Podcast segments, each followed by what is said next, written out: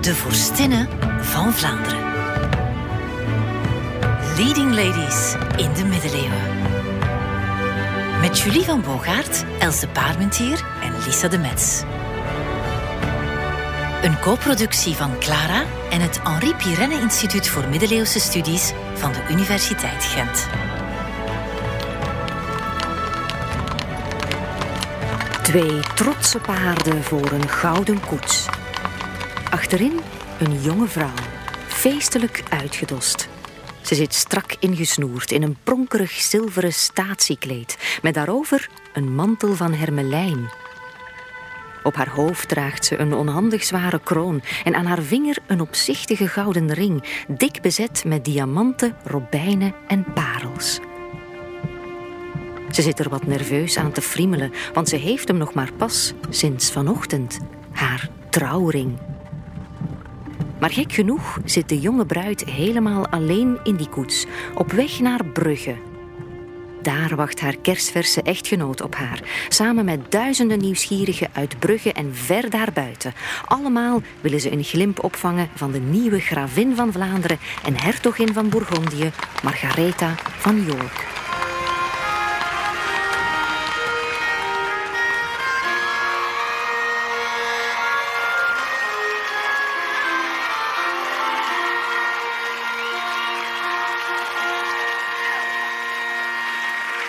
Alle ogen zijn op Margaretha gericht. In dichte drommen juichen haar nieuwe onderdanen haar toe.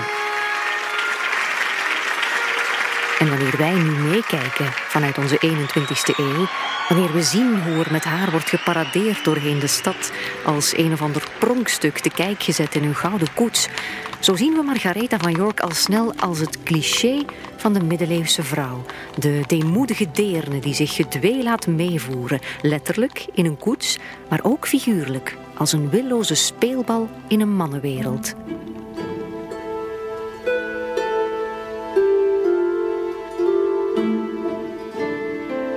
Ik ben Julie van Bogaert, presentator bij Clara. En ik wil wel eens voorbij dat cliché kijken. Op school is dat er nooit van gekomen, want ik kan me niet herinneren dat er ooit middeleeuwse vrouwen aan bod zijn gekomen in de lessen geschiedenis. Oh, in het beste geval wat namen in een stamboom, bijna een noodzakelijk kwaad voor het voortbestaan van dynastieën. Maar dat dat alles is wat die vrouwen te betekenen hadden, vrouwen zoals Margaretha van York, maar ook gewone vrouwen, dat geloof ik niet. En historici vandaag ook niet. Er waren ook vrouwen in de middeleeuwen. Hè? We vinden die niet uit. Hè? Dit is dokter Lisa de Metz, een van de twee historici die ons wegwijs zullen maken door de middeleeuwen. Ik ben geïnteresseerd in mijn middeleeuwse voorgangers eigenlijk. Hoe mensen in de middeleeuwen geschiedenis gaan schrijven en wat dat zegt over hun eigen heden. En hoe dat allemaal ooit is begonnen voor Lisa? Wel, er is één historische figuur die de vonk deed overspringen. In het jaar dat ik moest kiezen wat ik ging studeren, 2009 was er net een heel grote tentoonstelling in het Groeningen Museum in Brugge. En dat ging over de Bourgondische hertog Karel de Stoute. Splendors of Burgundy heette die tentoonstelling. En ik ging daar naartoe met mijn mama. En die had mij op sleeptouw genomen om eens naar die Bourgondiërs te gaan kijken. En we waren door die tentoonstelling aan het wandelen en ik was wel gefascineerd geraakt door die figuren. En in het bijzonder in de, van de laatste kamers van die tentoonstelling werd zijn dochter geïntroduceerd, Maria van Bourgondië. En dan vooral haar tragische ongeval, haar jachtongeval, waarbij zij eigenlijk op heel jonge leeftijd, 25-jarige leeftijd, om het leven kwam. Ehm, en dat stond eigenlijk een, een citaat uit een kroniek, stond op die muur, hè, waarin er beschreven werd hoe zij achter een reiger ging jagen en haar paard struikelde op die manier. En zo uh, kwam zij om het leven. En dat greep mij aan, dat fascineerde mij. Uh, en op die manier is Maria van Bourgondië doorheen mijn opleiding een beetje uh, mijn metgezel geweest. En dan is er ook nog professor Els de Parmentier, onze tweede gids doorheen de middeleeuwen. Zij bijt zich dan weer graag vast in middeleeuwse administratie. praktijkbronnen, bestuurlijke bronnen zoals oorkonden bijvoorbeeld. Dat zijn eigenlijk juridische documenten, maar ze leren ons heel veel over hoe maatschappij werd eh, georganiseerd. Nu, mensen zouden denken dat dat saaie bronnen zijn, maar uh, niets is minder waar. Hè. Om uh, die verschillende handen, die personen die binnen een bepaalde periode verantwoordelijk waren voor de productie, voor het schrijfwerk zeg maar, van die graaflijke oorkonden, om dat te achterhalen, moet je eigenlijk die originele oorkonden naast elkaar leggen en de handschriften systematisch met elkaar uh, vergelijken. En wanneer je handschriften met elkaar vergelijkt, dan ga je eigenlijk op zoek naar eigen persoonlijke verklikkers bij het vormen van bepaalde letters de manier waarop de staart van de G gevormd wordt of de manier waarop een K wordt gevormd bijvoorbeeld. Dat zijn de kleine zaken, de puzzelstukjes waarmee je aan de slag moet en waarmee je moet zoeken naar overeenkomsten tussen handschriften om handen te kunnen uh, identificeren. Lisa de Metz en Els de Paarmentier. De ene wil weten wat voor verhalen ze in de middeleeuwen vertelde en de ander wil weten hoe alles concreet werd geregeld. Maar allebei voelen ze zich in hun element in het archief. Wanneer je naar het archief gaat, echt in, eh, in het oude materiaal, het oude perkament duikt, eh, hoef ik niet onder stoelen of banken te steken dat het toch ook altijd een zekere eh, intellectuele opwinding met zich meebrengt. Hè, wanneer je wacht op uh, die enveloppen, wanneer je die open doet vervolgens en wanneer het verleden zich heel concreet aan jou openbaart. Ja, als ik begon aan mijn doctoraat en ik kreeg voor het eerst zo'n chroniek voor mij, dan je, je, je, je krijgt daar, hè, dus ze komen dat dan brengen. Er ligt een mooi kussentje op tafel. Je mag dat dan openslaan, dat handschrift. Hè. Je mag daar eens voorzichtig aankomen, die bladeren, omslaan. Hè. Je kan dat perkament voelen. Uh, soms is dat op papier. Hè. In de late middeleeuwen schreven ze ook al op papier. Is vrij stevig papier. En ik durfde dat bijna niet aanraken, want ik dacht, ja, ik ga daar de pest of een of andere middeleeuwse ziekte van krijgen. Uh, er was iemand, een van de chroniekschrijvers die ik bestudeerde, zijn vrouw was overleden aan de Engelse zweetziekte in de 16e eeuw. Een vreselijke, vreselijke ziekte. En die schreef daar eigenlijk een remedie uh, in dat handschrift. En dan dacht ik, oei, misschien krijg ik er een ziekte door, wat dan natuurlijk een beetje onzin is. Maar zo krijg je eigenlijk wel een goed inlevingsvermogen in, uh, in jouw historische uh, personages. Ja, twee bevlogen historici met een passie voor hun bronnen. Voor mij het gedroomde gezelschap om op zoek te gaan naar de leading ladies van de middeleeuwen. Vrouwen zijn aanwezig in alle lagen van de maatschappij en dat was tijdens de periode van de middeleeuwen uiteraard niet anders. Hè. Dus als groep zijn ze heel interessant om eens een alternatieve kijk te bieden op die periode van uh, de middeleeuwen. En met name die groep van de uh, aristocratie, de hoge adel, hè, gaat uh, met onze aandacht lopen. De gravinnen, die oorspronkelijk de titel van gravin droegen, maar van het moment dat het graafschap Vlaanderen onder Bourgondische overheersing kwam, kregen zij ook de titel van hertogin. Vandaar de verzamelnaam van uh, vorstinnen. Dat groepeert eigenlijk zowel de gravinnen als de latere hertogin.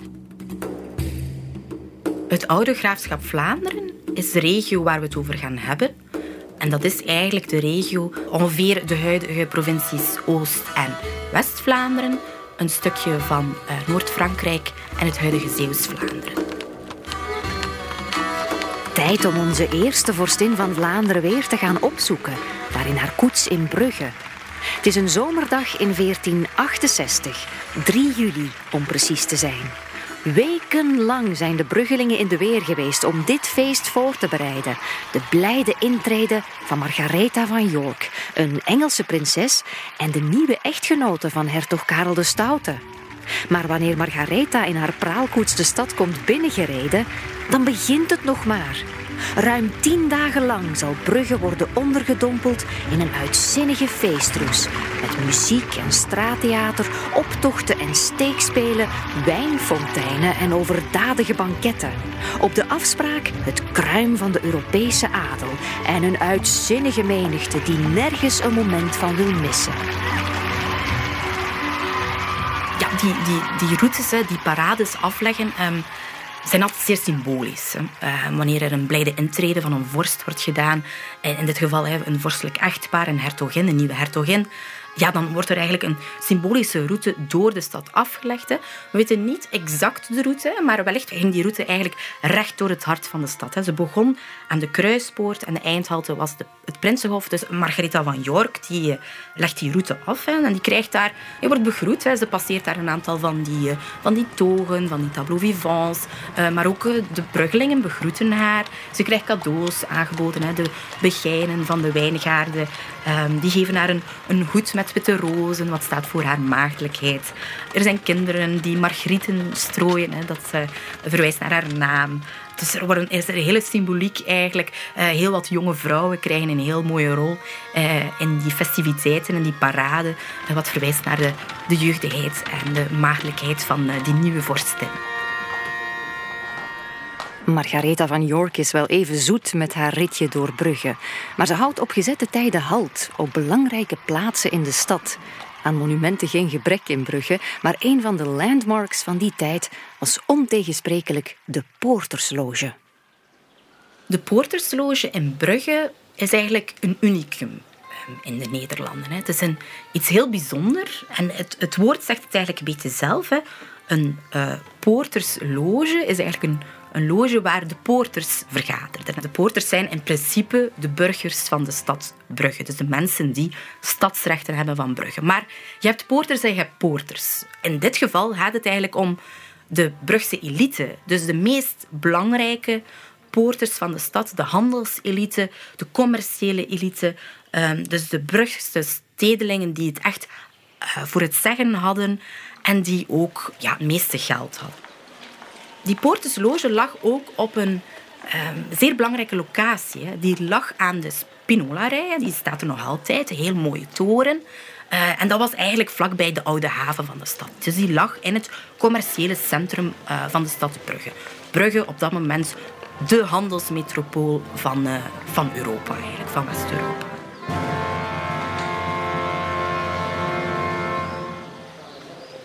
De Poortersloge was niet alleen een ontmoetingsplaats voor de handelselite, maar ook de uitvalsbasis, het clublokaal zo je wil, van het genootschap van de Witte Beer. Een exclusieve societyclub van ridders en rijken uit de stad die toernooien organiseerde. En ook de blijde intrede hadden zij voor een deel georganiseerd. Bij uh, toernooispelers denk je misschien aan ridders en aan uh, de belangrijke adel. Hè. Maar in de late middeleeuwen zijn het ook de rijke stedelingen die uh, toernooien gaan organiseren in de stad, in de stad Brugge, op de Grote Markt. En zij hebben daar een vereniging voor, hè, die Witte Beer.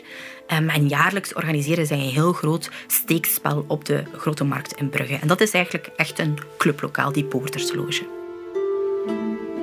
De Brugse Poortersloge is vandaag een pronkerig gebouw, versierd met fijne gotische details en met een hele reeks beelden in de gevel. Maar die stonden er nog niet allemaal toen Margaretha er passeerde. Er was wel plaats voor voorzien, maar geld was er niet meteen voor gevonden. Als ze goed heeft opgelet, kreeg Margaretha wel geteld twee beelden te zien. Eén van Johannes de Doper en het andere in een nis op de benedenverdieping. Je kan er niet naast kijken. Geen heilige, geen graaf, geen beroemde bruggeling, maar een beer. Een beer die op zijn achterste poten staat. Vandaag staat er een mooi beertje. Uh, het beertje staat op zijn achterpoten. Hij heeft een schild vast. Hè. Um, je ziet het, het is een prominent uh, beeld dat je eigenlijk van ver kan zien. Um, en dat is het Brugse beertje van de Poorthuisloge. Dat staat er nu, maar we weten het is een 18e eeuws beeld. Dus we weten niet uh, of het teruggaat op een middeleeuws origineel, maar wellicht wel. Het is een, uh, een waardige beer. Hè. Um, hij, kijkt eigenlijk heel serieus. Hè. Uh, het is geen uh, afschrikwekkende beer. Hè. Nee, het is een, een waardige beer. Hij staat daar mooi recht. Hè. Hij heeft een schild vast. Um, en hij kijkt naar ons hè, met waardigheid. Zoals de Brugse poorters. Het beertje van de Poortersloge trekt vandaag de aandacht van toeristen van overal ter wereld. En het kan bijna niet anders, of ook Margaretha heeft er gefascineerd naar gekeken. Ik hoop het in elk geval, want dat beertje dat wil ons iets vertellen over het prille begin van het graafschap Vlaanderen. En daarvoor moeten we nog eens 600 jaar terugkeren in de tijd, naar de jaren 860, naar Margaretha's oudste voorgangster, de eerste gravin van Vlaanderen, Judith van West-Francië.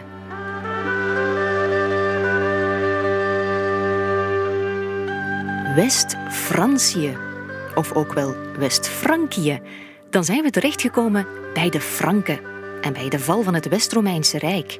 Want toen de Romeinen hier moesten opkramen, toen hebben de Franken het voor het zeggen gekregen. En ze konden de Romeinen eigenlijk wel naar de kroon steken, want op een paar eeuwen tijd, tegen het jaar 800, hadden ze een indrukwekkend gebied veroverd. Van het noorden van Duitsland tot aan de Pyreneeën, zelfs tot in Slovenië en Kroatië. En wie stond er aan het hoofd van dat gigantische rijk? Karel de Grote. Wel, die man was de overgrootvader van Judith van West-Francië.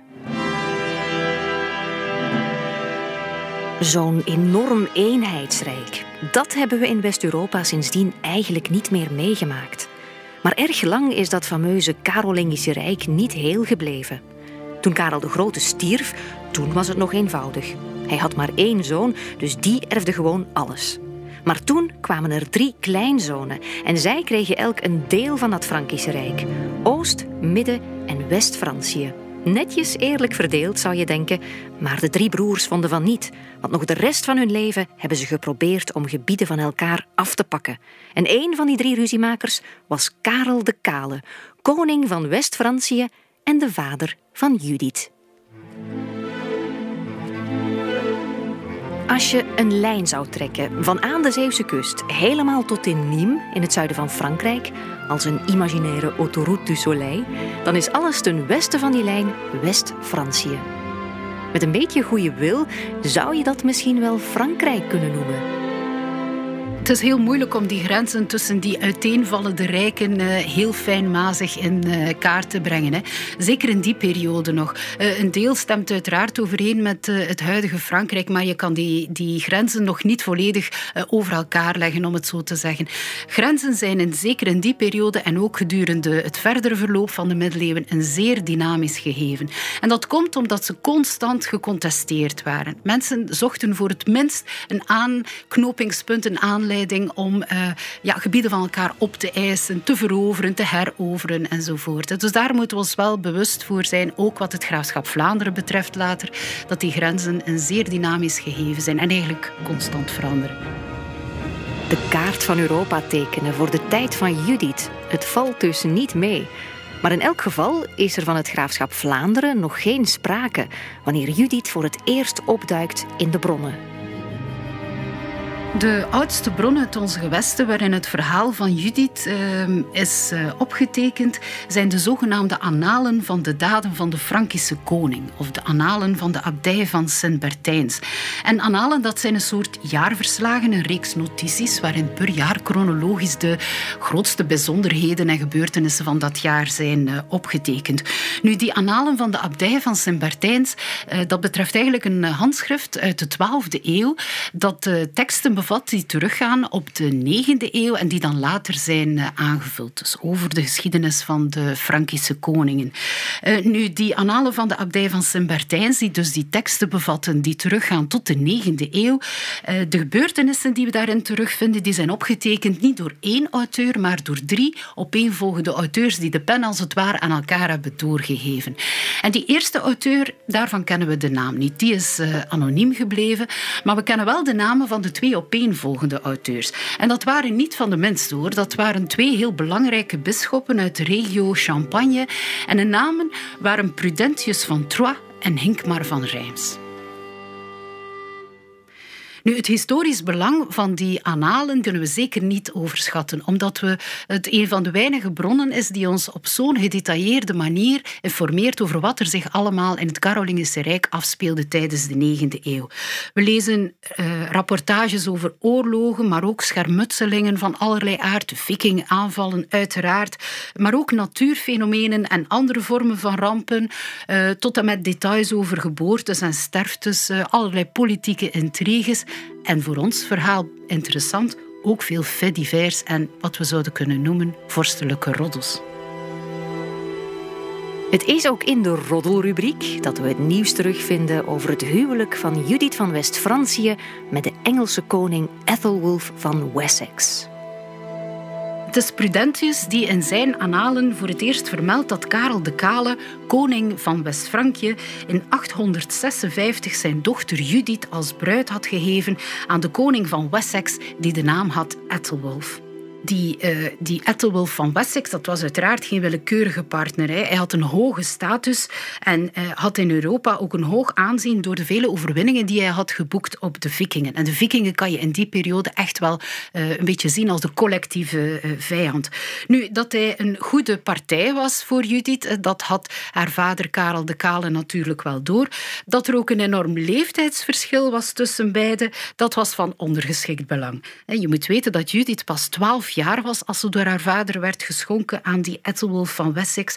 En hij was 56 jaar. Meer dan 40 jaar leeftijdsverschil. Maar Ethelwolf had zich weten ja, uh, op te werken als een christelijk vorst die als het ware uh, een middelvinger had kunnen opsteken naar die heidense plunderaars die die vikingen toch waren. En dat dwong respect af. En dat droeg dus ook bij tot zijn uh, hoge aanzien. Maar onze verslaggever, Prudentius, die geeft aan dat huwelijk bijna een magische glans. Hij beschrijft hoe Ethelwulf op de rugweg was van een pelgrimstocht naar Rome, samen met zijn piepjonge zoontje Alfred. Dat jongetje zou trouwens uitgroeien tot de beroemde Engelse koning Alfred the Great. Maar dus, op de rugweg van Rome, alsof het goddelijke voorzienigheid was, botst Ethelwulf toch wel toevallig op Karel de Kale en Judith zeker. En de rest is geschiedenis. In werkelijkheid speelden er toch vooral praktische en tactische motieven. Je kan het eigenlijk een beetje beschouwen als een win-win situatie. Het voordeel van zo'n huwelijk voor Karel de Kale was dat hij met Ethelwulf een heel belangrijke bondgenoot had in de strijd tegen de vikingen. En het voordeel voor Ethelwulf anderzijds was dat hij nu een eh, link had met een grootmacht van Carolingische oorsprong op het continent. In Wessex beseften ze dus maar al te goed dat Judith niet de eerste de beste was. Ze werd dan ook officieel tot koningin gekroond. En dat was niet de gewoonte aan de andere kant van het kanaal. In die gebieden, en zeker ook in het koninkrijk Wessex, was het uh, niet gebruikelijk dat de echtgenote van de koning werd aangeduid met de titel van koningin. Het was eerder gebruikelijk dat men haar aanduidde met de titel van koningin, gemalin. Je kan dat begrijpen als echtgenote van de koning. Dus we zitten hier met een zeer uitzonderlijke situatie waarbij iemand van het vasteland in het huwelijk treedt met een koning van Wessex en vervolgens de volwaardige titel van koningin krijgt. Dat was in Engeland ongezien op dat ogenblik. Nu, hoe komt dat? Je kan je wel indenken dat de vader van Judith, Karel de Kale, dat hij daar ergens achter zat. Hè? Dat hij dat gestimuleerd heeft om zijn dochter, die toch niet minder verdiende, omdat ze van koninklijke bloeden afkomstig was, eh, om haar die titel van Regina van koningin toe te kennen in, uh, in Wessex. Maar het huwelijk tussen Judith en Ethelwulf is geen lang leven beschoren.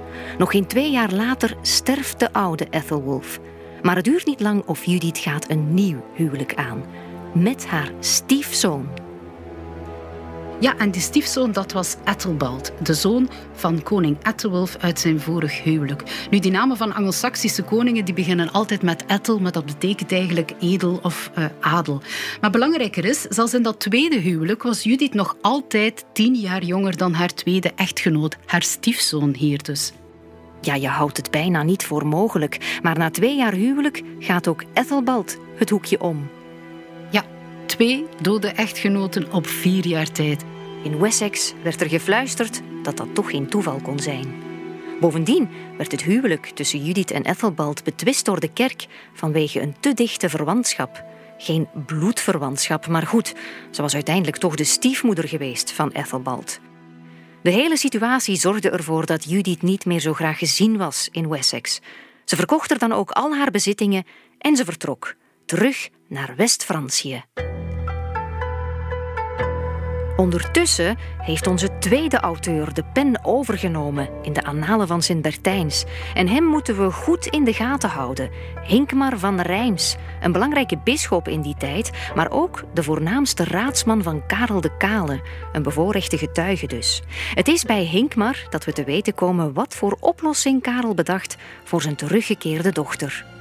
Ja, Karel de Kale bracht Judith onder in het paleizencomplex van Senlis, een vorstelijke residentie, waar ook een klooster eh, was ingericht. En de bedoeling was dat Judith daar de gepaste tijd als rouwperiode zou uitzetten en dat haar vader tijdens diezelfde periode op zoek zou gaan naar een nieuwe huwelijkskandidaat die bij voorkeur ook van koninklijke afkomst zou zijn. Nu, Judith was op dat ogenblik nog altijd maar 17 jaar, dus zij had nog een heel leven voor zich. Uh, zij kon perfect nog een volgende huwelijk uh, aangaan. Voor de rest van haar leven in het klooster blijven, dat was ook een optie natuurlijk. Maar Hinkmar van Rijms was er gerust in. Judith zou wel hertrouwen.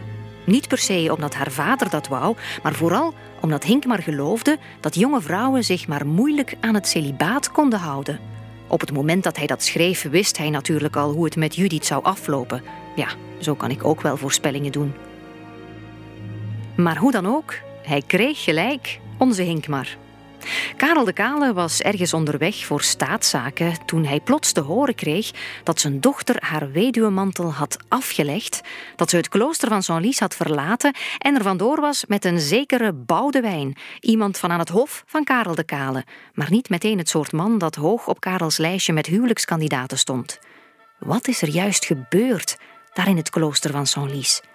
Is Judith ontvoerd of is ze stiekem met die Boudewijn weggelopen?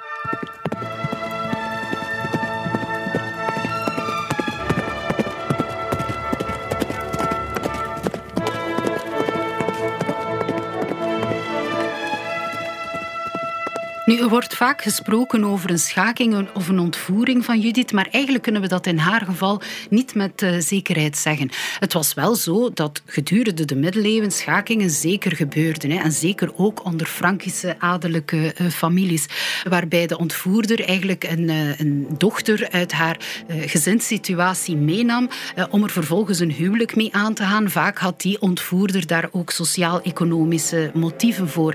En anderzijds, wanneer je uit, uit het standpunt van de ontvoerde partij bekijkt, eh, kon dat voor meisjes ook een soort van daad van rebellie tegen het ouderlijke gezag eh, zijn. Want eh, meisjes gingen soms akkoord met het feit dat ze zouden ontvoerd worden, omdat ze gewoon schrik hadden dat hun vader hen anders aan een partij zou uithuwelijken die ze al helemaal niet zagen zitten. Dus in dat opzicht kan je het ook beschouwen als een soort van ja, opstandigheid tegen het ouderlijk gezag. het onderscheid tussen een gewelddadige ontvoering voering en weglopen met ligt natuurlijk net in het feit of het meisje al dan niet haar instemming heeft uh, verleend aan uh, dat gebeuren. Boudewijn en Judith. De middeleeuwse Romeo en Julia? Of een middeleeuws MeToo-verhaal? De tekst suggereert hier duidelijk dat Boudewijn Judith heeft uh, overtuigd om met hem weg te lopen. En verder in de tekst is ook uh, het werkwoord stelen, wordt het werkwoord stelen, stelen van een dochter vermeld. Hinkmar vermeldt dus duidelijk dat het initiatief bij Boudewijn lag, waaruit je zou kunnen afleiden dat het om een schaking gaat. Maar je moet daarmee opletten natuurlijk, want uh, Hinkmar was niet onbevooroordeeld. Je mag niet vergeten dat Hinkmar een van de belangrijkste adviseurs was van Karel de Kale en dat hij er dus alle belang bij had om de verantwoordelijkheid voor die gebeurtenis, voor dat weglopen, te leggen bij een buitenstaander en uiteraard niet bij de dochter van Karel de Kale in wiens dienst hij werkte. We moeten ons uiteindelijk ook gewoon praktisch afvragen als het echt een schaking was, een ontvoering, hoe zou Boudewijn dat überhaupt hebben klaargespeeld? De Karolingers waren ook wel slim genoeg om belangrijke personen goed te beschermen. Lies was dan ook streng beveiligd. Boudewijn kon daar niet zomaar binnenwandelen om even een koningsdochter te kidnappen. Het kan bijna niet anders of Judith heeft hieraan meegewerkt. En waarschijnlijk was ze niet de enige. Ja, het is niet ondenkbaar dat Boudewijn eh, bij het dingen naar de hand van Judith dat hij heeft ingespeeld op de twisten en allerlei vormen van oneenigheid die zich aan het hof van Karel de Kale afspeelden. Hè. Uh, Judiths broer bijvoorbeeld, Lodewijk, dat is Lodewijk de Stamelaar, zo kennen we hem, die leefde al geruime tijd op gespannen voet met zijn vader. En dus is het perfect mogelijk dat Boudewijn tot die broer van Judith, tot die Lodewijk, toenadering heeft gezocht, aan hem zijn plannen uit de doeken heeft gedaan en vervolgens heeft weten te rekenen op de steun van die broer om zijn plan uit te voeren en samen met Judith weg te lopen. Je eigen huwelijkspartner kiezen, tegen de wil van je vader in. Het was een daad van verzet. Dan is het toch wel opvallend dat niet alleen Judith zich op die manier afzet tegen haar vader, maar ook haar broer Lodewijk. Hij zou stiekem trouwen met een prinses van zijn keuze. En nog een andere broer van Judith deed net hetzelfde. Het zegt toch wel iets over de moeilijke relatie tussen Karel de Kale en zijn kinderen. Judith die gewoon lekker haar zin doet. Het zou wel eens kunnen. Maar we mogen niet vergeten dat ook Boudewijn wel een groot risico heeft genomen. Aan de haal gaan met een koningsdochter, dat doe je niet ongestraft. Wie is die lefgozer eigenlijk? Over de afkomst van Boudewijn weten we eigenlijk niet zo heel veel.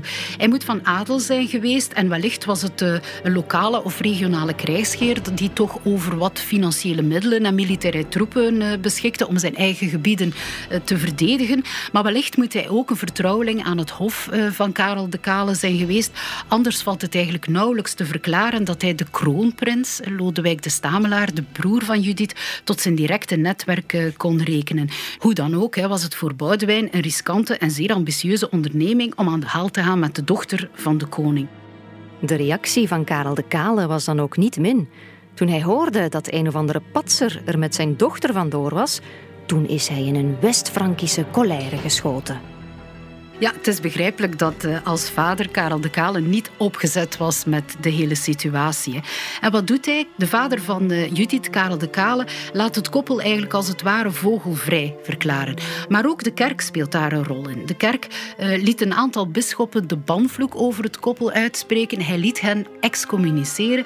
En dat betekent dat het koppel uit de kerk werd gezet. Ze konden dus met andere woorden niet langer ijveren voor hun eigen zielenheil, wat zeer belangrijk was in de middeleeuwen. Maar ze konden bovendien op hun vlucht nergens onderdak krijgen in kloosters of abdijen.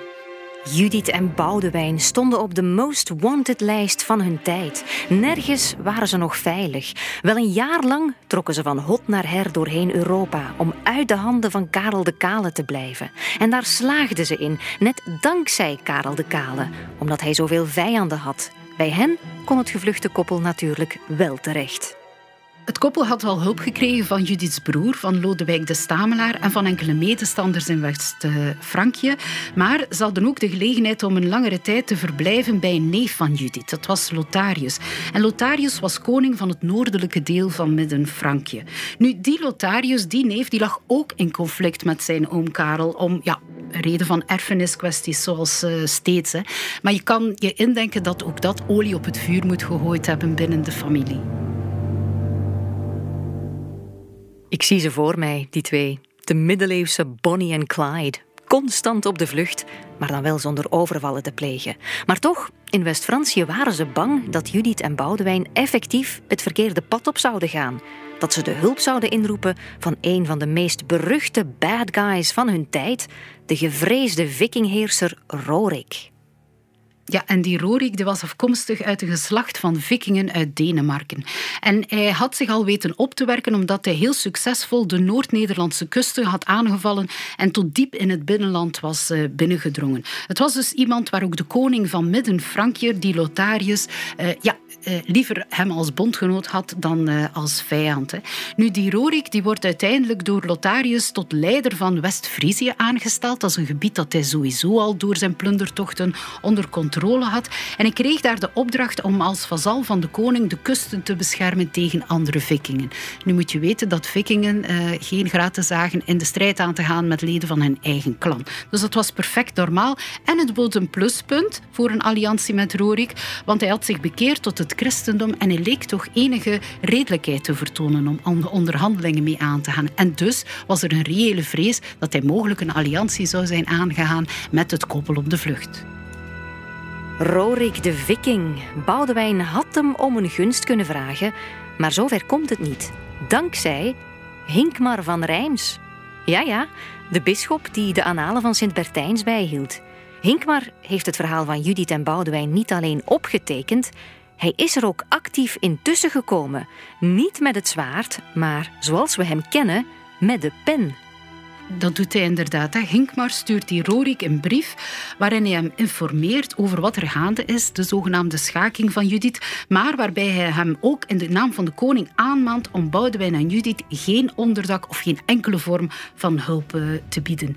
Maar daar laat hij het niet bij. Hè. Hij speelt ook in op de recente bekering van de vikingleider Rorik. En het dreigt ermee dat zijn zielenheil, waar hij zo lang al voor had geijverd, dat het wel eens op de helling zou kunnen uh, komen te staan wanneer hij een koppel dat uit de kerk was geëxcommuniceerd uit de nood zou helpen. U die bekeerd is tot het christelijk geloof, zodat u altijd voordeel zult blijven ondervinden van het uitvoeren van de goddelijke wil en mandaten. En zodanig dat niemand u zou kunnen overhalen om iets te doen tegen de christenen en ten voordele van de heidenen. Want dan zullen uw bekering en doop u niet baten. Als bisschop wil ik u vragen om op geen enkele wijze hulp of onderdak te verlenen aan Boudewijn, die volgens de heilige regels in de kerkban is gedaan wegens het schaken van de dochter van de koning om met haar te trouwen.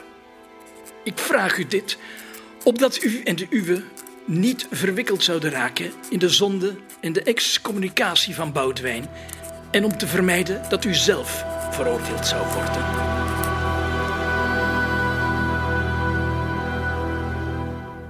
Het gevaar is afgewend. Een alliantie tussen Boudewijn en Rorik komt er niet. Waarschijnlijk waren hij en Judith uiteindelijk toch niet zo happig op een langgerekt asiel daar bij Rorik in Noord-Nederland. En een militaire confrontatie uitlokken tussen Rorik en Karel de Kale, dat wilden ze nu ook weer niet. Het blijft toch je familie, niet waar? En trouwens, zo'n zwerversbestaan, dat hou je niet eeuwig vol. Werd het niet stilaan tijd dat er een duurzame oplossing kwam voor hun problemen? En zo besluit het koppel om niet naar het noorden te trekken, maar naar het zuiden. Op bedevaart slash politieke missie naar Rome. Ja, en tijdens die tocht naar Rome krijgen ze opnieuw hulp van een andere neef van Judith. En dat was de keizer van het Heilige Roomse Rijk. Met een beetje hulp van die keizer van het Roomse Rijk kunnen Judith en Boudewijn op audiëntie bij de paus. Wat natuurlijk ook wel deuren heeft geopend, is simpelweg Judiths afkomst. Ze is dan wel een politiek vluchteling, ze blijft wel een Carolingische prinses en dat dwingt respect af. De paus heft dan ook de kerkban op en hij belooft om voor Judith en Boudewijn te bemiddelen bij Karel de Kale. Maar dat doet de paus niet zomaar belangeloos. De zaak Judith en Boudewijn dient ook zijn eigen politieke agenda. Het was de geknipte gelegenheid om de invloed van Rome in West-Francië te versterken. Daar in West-Francië hadden de bisschoppen veel te veel noten op hun zang gekregen. Mannen zoals Hinkmar van Rijms. De paus zou hen wel eens laten voelen wie er de baas was. Ja, en in het verslag van uh, Hinkmar en de Annalen van Sint Bartijns krijgen we goed beeld eigenlijk van de strategie van die bemiddeling die door de paus wordt uh, gehanteerd. Om te beginnen stuurt de paus twee toponderhandelaars naar West-Francië. Twee van zijn beste bisschoppen. Maar Karel de Kale geeft geen vingerbreed toe. De paus besluit dan maar om het over een andere boeg te gooien. Hij kruipt zelf in de pen en hij stuurt zelf een aantal brieven. Brieven aan de ouders van Judith. Niet alleen aan haar vader, Karel de Kale, maar ook aan haar moeder, koningin Ermentrude. En de paus weet verdomd goed hoe hij bij elk van hen de juiste snaar moet raken. Bij Karel de Kale speelt hij in op het eergevoel van de koning, op zijn plichtsbesef en zijn verantwoordelijkheidszin. En in één moeite maakt de paus ook korte metten met het idee dat Judith ontvoerd zou zijn. Brief van paus Nicolaas, dienaar der dienaren van God, aan de glorierijke Karel, grote koning. Wij hebben ons gebogen over het geval van het huwelijk tussen uw dochter Judith en heer Boudewijn dat zich zonder uw toestemming heeft voltrokken. Hierin heeft Boudewijn ontegenzeggelijk een fout begaan, maar anderzijds kunnen wij u garanderen dat hij u nooit afvallig is geweest. Hij zweert nog steeds trouw aan u en heeft tenslotte de hulp van de paus gezocht, niet die van een andere koning. Ook met uw dochter Judith hebben wij gesproken. Zo is ons duidelijk geworden dat Judith dit huwelijk uit vrije wil is aangegaan en oprecht houdt van haar echtgenoot.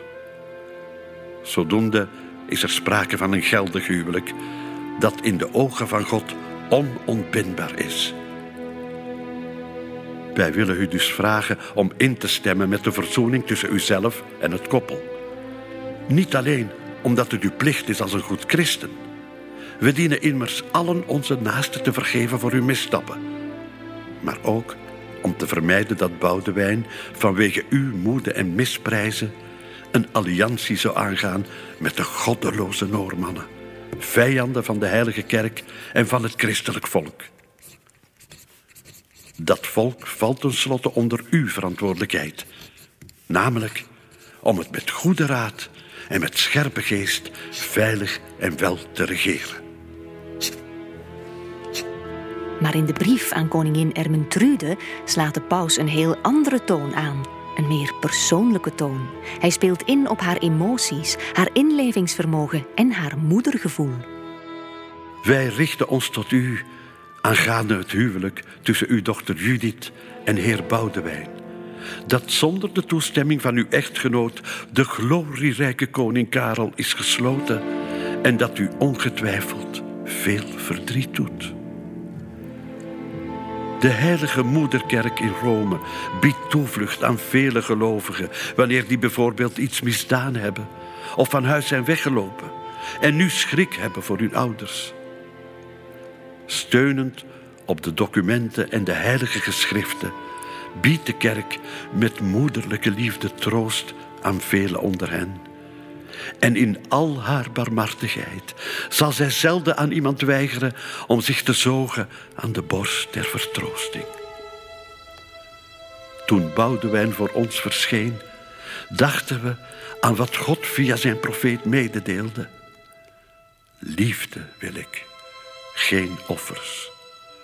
Dat wil zeggen verzoening, geen wraak. We durven u dit vragen, zodat Boudewijn de vertroosting van de apostelen zou kunnen kennen.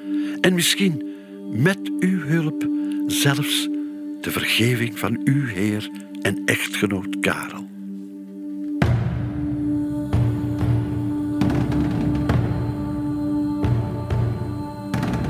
De paus hoopt dat Ermentrude haar koppige echtgenoot wel op andere gedachten zal brengen. Wat uiteindelijk ook de doorslag heeft gegeven, Karel de Kale gaat akkoord. Judith en Boudewijn mogen terugkeren naar West-Francië. En op 13 december 863 treden ze met koninklijke goedkeuring in het huwelijk. Karel de Kale stuurt die dag zijn kat, maar hij benoemt zijn nieuwbakken schoonzoon wel tot graaf van de Pagus Flandrensis. En zo schopt Boudewijn het van ambitieuze hoveling tot Boudewijn I, graaf van Vlaanderen.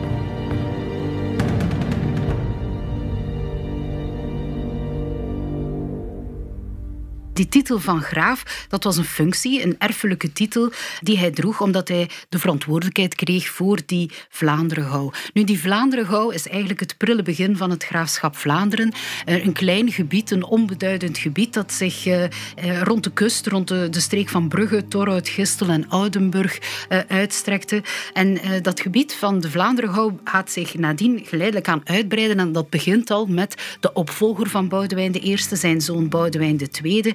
Eh, die het gebied snel zou uitbreiden en eh, het op korte tijd eigenlijk samen met zijn nakomelingen uiteraard zou laten uitbreiden tot een gebied dat we nu kennen als grofweg hoor, Oost- en West-Vlaanderen en een deel van eh, Noord-Frankrijk.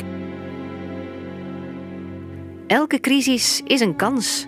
Zo heeft Karel de Kale misschien ook wel geredeneerd. Want zo'n pitbull als Boudewijn, zou die niet als waakhond kunnen dienen tegen de vikingen? Het wil zeggen dat uh, Karel de Kale ermee kon leven. Hè, dat Boudewijn uiteindelijk een huwelijk was aangegaan met zijn dochter. Hij wist ook dat uh, die Boudewijn over een interessant en vrij groot netwerk beschikte. En uh, dat hij de nodige politieke en diplomatieke competenties had om zijn gebied te verdedigen. Dus ja, de juiste man op de juiste plaats. Is het je al opgevallen? Liefdesverhalen, of het nu sprookjes zijn of romantische comedies, die eindigen altijd wanneer alles eigenlijk pas begint. Wanneer de geliefden hun obstakels hebben overwonnen en ze eindelijk samen kunnen zijn. Wat er daarna gebeurt, daar heb je het raden naar. En ze leefden nog lang en gelukkig. Meer wordt er niet over gezegd. Wel, zo ging het eigenlijk ook een beetje met Judith en Boudewijn. Over het leven van Judith na haar huwelijk met Boudewijn valt er nauwelijks iets te lezen. Vanaf het moment dat Judith zich met Boudewijn had gevestigd in wat nu ongeveer de streek van Brugge is, zwijgen de bronnen inderdaad merkwaardig genoeg eh, over haar. Ze was de eerste gravin van Vlaanderen, maar hoe ze die rol uiteindelijk in de praktijk heeft waargemaakt, daar hebben we nog steeds eh, het raden naar.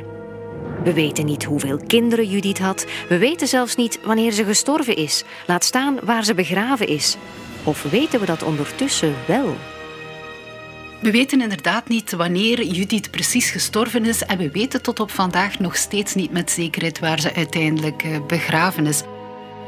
Waar Judith al zeker niet begraven ligt, dat is naast haar man Boudewijn. Hij werd in de abdij van Sint-Bertijns begraven en daar waren vrouwen niet welkom, levend of dood. Maar waar ligt Judith dan wel? Dat is vandaag nog steeds eh, de grote vraag. Hè. Nu, een eerste stap eh, in een eh, opheldering van dat mysterie vond plaats in 2006, wanneer bij de aanleg van een ondergrondse parking onder het Sint-Pietersplein in Gent er grootschalige archeologische opgravingen gebeurden. En bij die opgravingen is men gestoten op honderden graven uit het verleden. En daarbij was er vooral één cluster van zeven graven met zeven skeletten die de bijzondere aandacht trok. Het opmerkelijke aan die zeven skeletten, dat was hun vindplaats. Ze lagen vlak voor de ingang van de oude abdijkerk. Heel symbolisch allemaal, alsof ze aan de poort van het paradijs waren neergelegd. Een ereplaats, voorbehouden voor de absolute toplaag van de samenleving. Nu, een van de skeletten bleek toe te behoren aan een, uh, aan een vrouw. Uh, een vrouw uh, van wie het skelet gedateerd was in de tijd van Judith. Dus grofweg 9e, begin 10e eeuw. En dus ook iemand van allerhoogste status. Nu, toen in 2006 is al voor het eerst de belangrijke hypothese geformuleerd dat dat vrouwelijke skelet wel eens zou kunnen toebehoren aan, aan Judith. Maar die hypothese werd nooit hard gemaakt. Dat kon ook niet met de toenmalige stand van de wetenschap. Maar op 17 jaar tijd zijn de analysetechnieken er enorm op vooruit gegaan. Het was enkel nog wachten op de juiste aanleiding om het skelet van de vermeende Judith nog eens ter hand te nemen. Naar aanleiding van het uh, tv-programma Het Verhaal van Vlaanderen werd het onderzoek opnieuw heropend door een interdisciplinair team van historici en archeologen, eigenlijk bioantropologen van de UGent. En uh, nu moet je weten dat het skelet waarover we het hebben, dat daarvan enkel de rechterzijde was bewaard. Het nieuwe onderzoek heeft ons veel bijgeleerd. Het is nu nog eens bevestigd. Het gaat absoluut zeker om een vrouw. Een vrouw die 30, 35 was toen ze stierf, of zelfs nog wat ouder. Een vrij grote vrouw, toch voor die tijd, misschien wel een meter 69. Een vrouw die vast wel aan haar 10.000 stappen per dag kwam, want ze had hielspoor, een overbelastingsblessure. Vandaag hebben veel hardlopers daar last van. Maar de vrouw was ook een zoete kou, dat zie je aan haar tanden.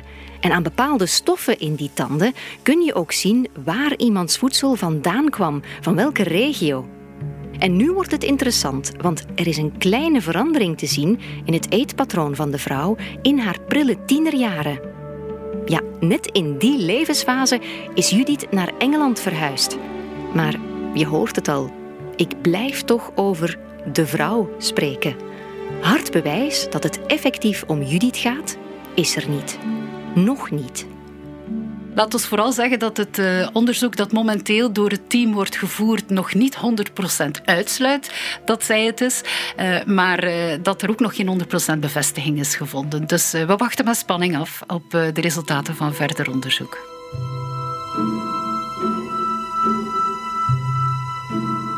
Of het skelet nu dat van Judith is of niet, haar huwelijk met Boudewijn was in elk geval het begin van het graafschap Vlaanderen.